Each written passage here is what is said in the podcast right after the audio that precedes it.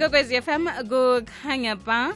Njenganje sitshetshe-ke ihlangothi lokukhubazeka kodwana-ke namhlanje siqala khulu indaba yokugula ngokomkhumbulo namkha ukuhlogomela umkhumbulo. Um ngoba uyathine kakhulu ngendlela eziningi sikhambisana nenomthandazo. Masango nomthandazo uvukile? Zuzu ngivukile wena uvukile? ngivukile ngithabele kuba nawe namhlanje emhathweni kwekwezi FM Ngiyathokoza nami Vuvu ngilothise nabalaleli bakwekwezi FM. nomthandazo njengomuntu ose empumalanga mental health society um yini esi esingayilindela? Mhlambe kufanele siyitsheje khulu lokhu nasiqala i-mental health. Bubu ngithokoze godu ngilothisa abalaleli eh sithokoza ithuba siyimpumalanga mental health ukuthi sishare namhlanje ngokubaluleka kokunakekela imikhumbulo yethu.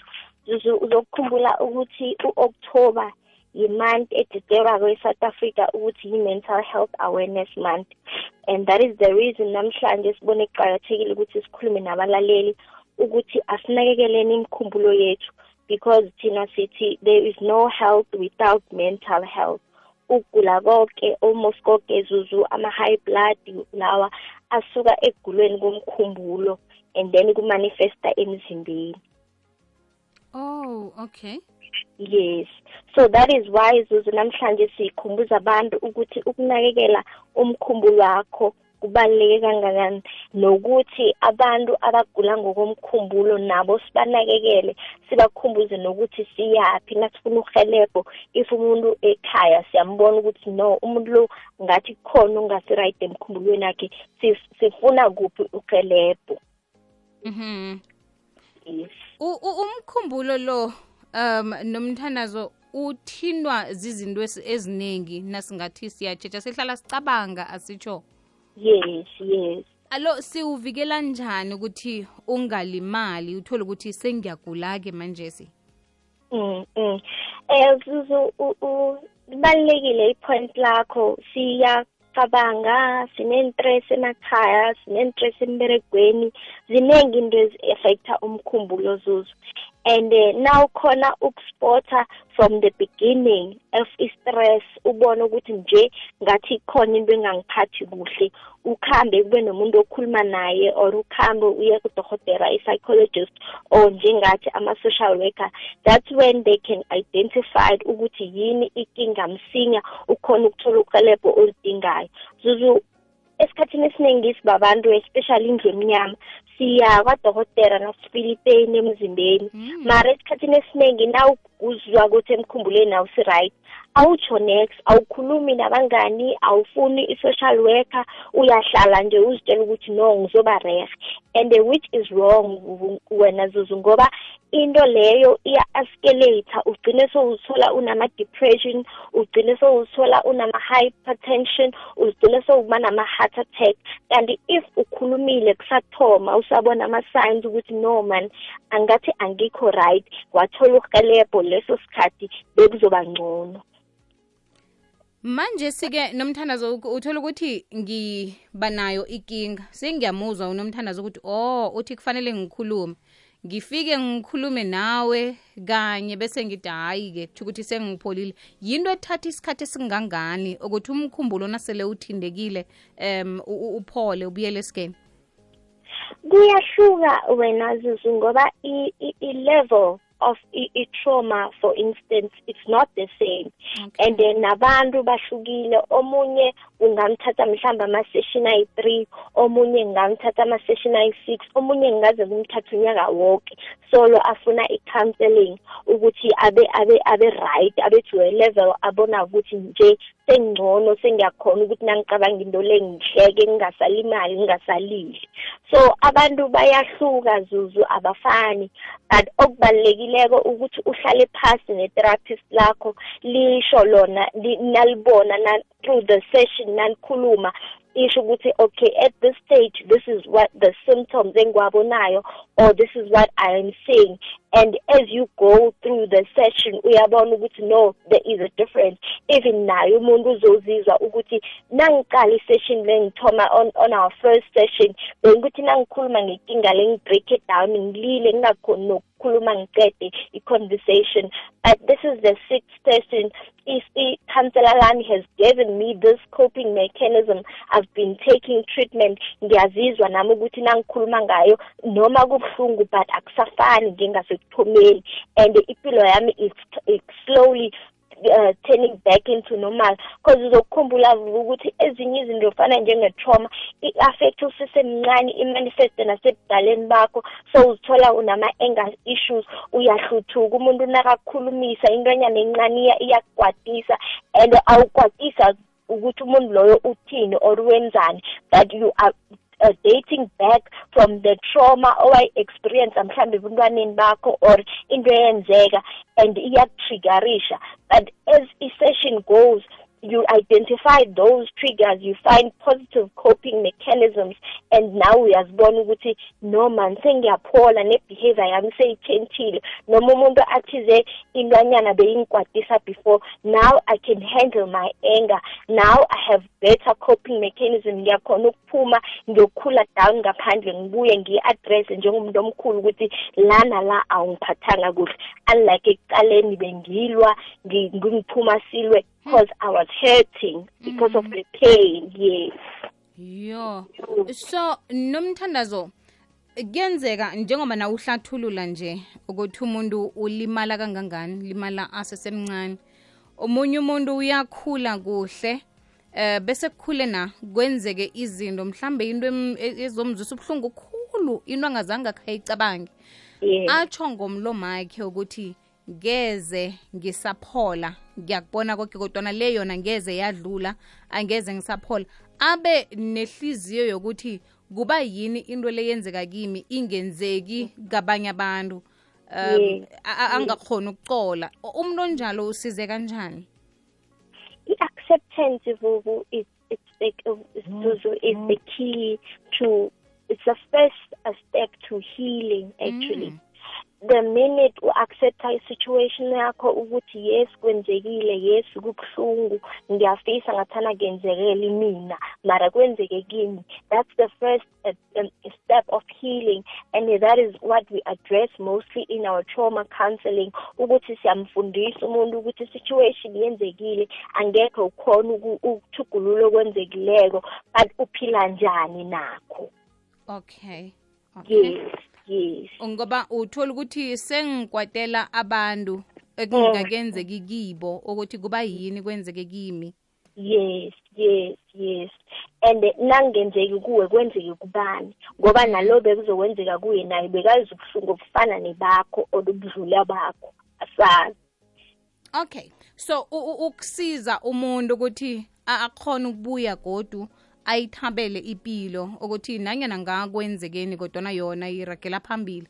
Um konke kuthoma la emkhumbulweni? Yes kuthoma emkhumbulweni vuvu. Kuthoma ekwamukeleni isimo. Kunezinto empilweni ezenzakalayo esingakhoni ukusijugulula ukuthi into seyenzakele there's no backward butting ongalipressa ukuthi ngibuyele emuva. Into ezinjalo that's when you learn to accept ukuphila nazo vuvu. And that is why we emphasize indaba ye-counseling because that's when you learn bakufundisa khona ukuthi ukhopha njani ngesimo esenzakele empilweni yakho and u-accepta njani ukuthi sesenzakele umove on njani uchubeke nawe uphile. Abantu bembaji khulukhulu abobaba um kuba njani ngehlangothini labo? Bayakhona ukuza kini bavule isifuba bakhulume batho ngendlela abalimele ngayo namkha kusesebudisi yo vuvu uthathe i-point elibaluleke khulu eliqakatheke khulu. Nasi-check-a i-statistic se-suicide e-south africa sithola ukuthi 23 people in a day committed suicide and there's sure. 460 attempts of suicide ngelangeli one and in that statistics the highest percentage ngabobaba futhi abobaba abaningi bakhetha ukuthatha inkambo baqede ngokuphilo babo nokuthi baphume bayokufuna usizo.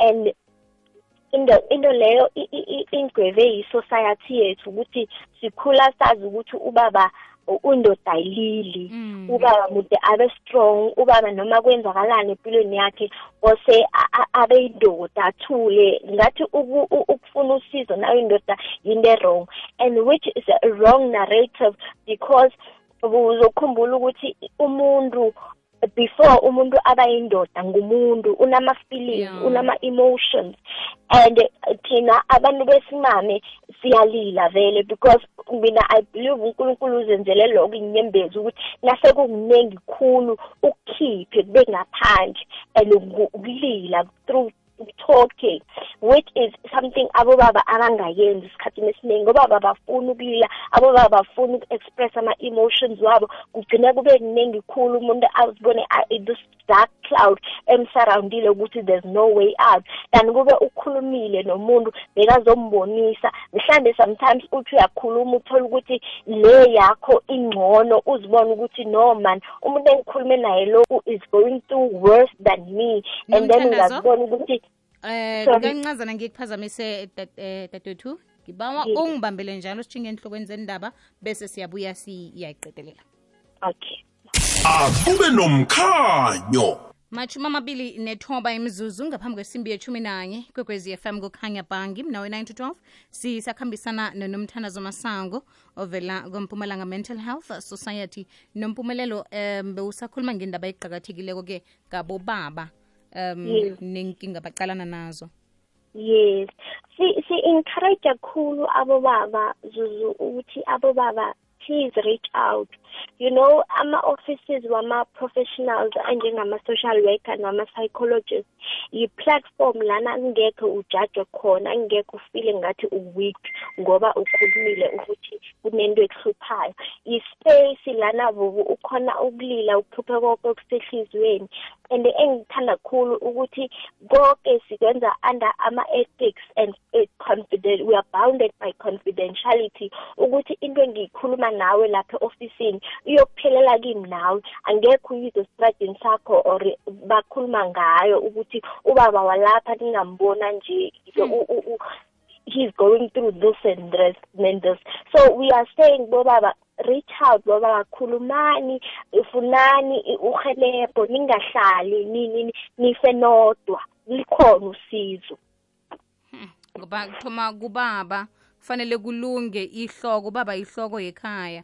Kufanele Yes. kulunge yena khona ukusiza umma umma khona ukuthanda bentwana exactly zuzu and what i've noticed ukuthi abobaba esikhathini esiningi i-trauma e- evela e- emncaneni Mm. which now ungayi-address now ungatholi uhalebho nawe you pass it on to your children. Because as ihloko yasekhaya njengoba usho abantu abakho they look up to you. They you are the, the, the role model. Before they can see a role model e-tv they see you first. Imagine the trauma e- umntwana akho experience when you- ngubaba obhekila with anger issues and you can't handle your anger ubethuma in front of um- umntwana aqalile you know zonke into ezo ziyakhela emkhumbulweni womntwana. Nakakhula ukhula abona ubaba instead of ukubona ubaba as a protector but ubona ubaba as a monster. But into ezinjalo ziya-addresseka when you find the right help ukuthi umodela njani a good behavior to umntwanakho. But ukuba ngubaba ohappy kuthoma kuwe ukuthi uzilungise wena before you can because i always say you cannot pour from an empty cup. You first fill your cup and then it overflows to the others. It's important that you constantly fill your cup. You constantly take care of your mental state so that ekhaya kujabulwe because nawe ujabulile. Wow yo Yes. uzwakele nomthandazo siyathokoza. Aloke sinifumana njani-ke? Nasi nemraro ngoba siyasaba ukukhuluma nalaba esibaziko esiphila nabo qobelanga Si- njengoba nawutshile ukuthi iminyango ivulekile kodwa indaba zethu anikazi uzikhuluma nabanye abantu sinifumana kuphi? Yes. impumalanga mental health society ikhona yezuzu e- e- em- emabhrentshini amaningi wempumalanga. Ngiyajabula ukunitshela ukuthi sine-branch nasesiyabuswa. Mm. Eh, yes. Amanamba wasesiyabuswa engafonela kiyo it's 081 417 9602 081 417 9602 siphinde sibe ne-branch e-middleburg middleburg office. Inamba yakhona it's 081 451 6788 siphinde ene-branch e-delmas office. Eh inamba yase-delmas it's 081 406 4994 you can call any of the branch even if mhlambe uthola ubambe amanamba wase-delmas Mm. it's fine they will put you through to ama-social worker wasesiyabuswa or wase-middleburg okay. Yes nomthandazo sithokoza kakhulu ilwazi osabele lona sithokoze nesikhathi sakho. Ngiyathokoza vuvu. Thank you